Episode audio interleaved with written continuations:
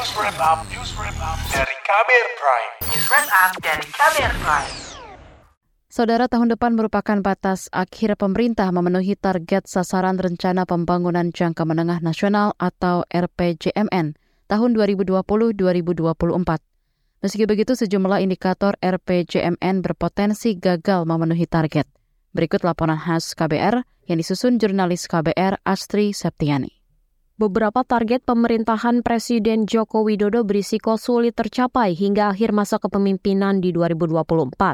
Menteri Perencanaan Pembangunan Nasional sekaligus Kepala Bappenas Suharso Monoarfa mengatakan ada 10 indikator rancangan pembangunan jangka menengah nasional atau RPJMN 2020-2024 yang berpotensi gagal mencapai target. Salah satu indikator itu adalah target penurunan angka stunting balita yang ditargetkan menjadi 14 persen di tahun depan. Ia ragu angka itu bisa tercapai sebab presentasi stunting di tahun ini masih 21,6 persen. Stunting masih di angka 21,6 dan kalau kita ingin mencapai 14 persen yang ditargetkan pada tahun 2014, maka pada tahun ini dan tahun depan masing-masing harus turun sekitar 3,8 persen. Dan stunting penurunannya adalah di 12 provinsi prioritas yang kita lakukan dengan secara uh, gotong royong dari semua KL. Tak hanya Suharso yang pesimistis, data Badan Pengawasan Keuangan dan Pembangunan atau BPKP juga menggambarkan capaian target yang tidak sesuai. Kepala BPKP Muhammad Yusuf Ateh melaporkan penyelesaian kasus stunting di 378 daerah tidak sesuai target RPJMN. Pada sektor pembangunan manusia, upaya peningkatan kualitas SDM Indonesia belum merata. Sebagai contoh, hal ini terlihat dari penyelesaian kasus stunting yang tidak sesuai target RPJMN pada 378 daerah, serta kualitas ruang kelas sekolah yang masih perlu ditingkatkan pada 241 daerah provinsi, kabupaten, kota. Selain permasalahan tersebut, BPKP juga mencatat beberapa pelaksanaan program pemerintah pada sektor infrastruktur yang belum optimal. Yusuf mengatakan, saat ini masih ada 58 proyek strategis nasional yang belum dimulai pembangunannya. Terkait infrastruktur, data di Direktorat Jenderal Perumahan di Kementerian Pekerjaan Umum dan Perumahan Rakyat atau PUPR memperlihatkan saat ini rumah layak huni di Indonesia baru mencapai 60 persen. Direktur Jenderal Perumahan Iwan Supriyanto mengatakan angka ini belum mencapai target 70 persen dalam RPJMN 2020-2024.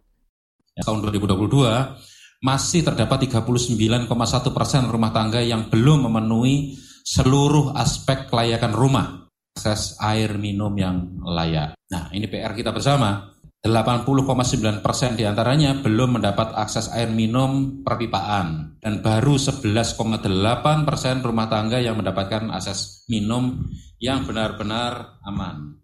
Dirjen Perumahan Iwan Supriyanto menargetkan 70 persen rumah layak huni di 2024 bisa dilengkapi air minum layak hingga 100 persen.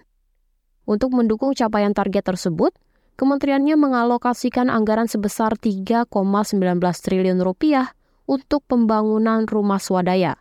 Fraksi Partai Demokrat di DPR mengingatkan penyusunan dan pelaksanaan rancangan anggaran pendapatan dan belanja negara atau RAPBN 2024 menjadi tahun terakhir bagi pemerintah untuk memenuhi target sasaran RPJMN 5 tahunan.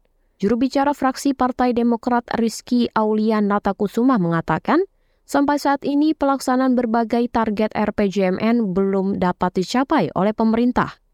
Di antaranya, pertumbuhan ekonomi 2020-2024 yang dipatok tumbuh di kisaran 6,2 sampai 6,5 persen, realisasinya di tahun 2022 baru di angka 5,31 persen.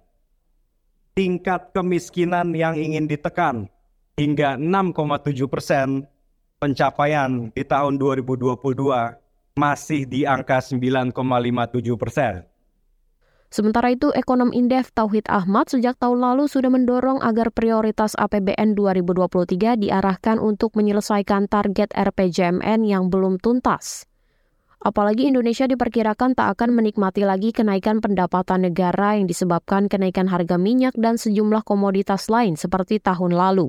Misalnya trennya adalah gini rasionya itu kemungkinan tidak tercapai begitu ya. Kemudian angka pengangguran juga sama gitu. Jadi uh, harusnya kalau itu uh, sulit tercapai uh, untuk 2023 ya diarahkan untuk program-program yang bisa menurunkan angka kemiskinan, mengurangi gini rasio dan sebagainya. Demikian laporan khas KBR, saya Astri Septiani. Kamu baru saja mendengarkan news wrap up dari KBR Prime. Dengarkan terus kbrprime.id, podcast for curious mind.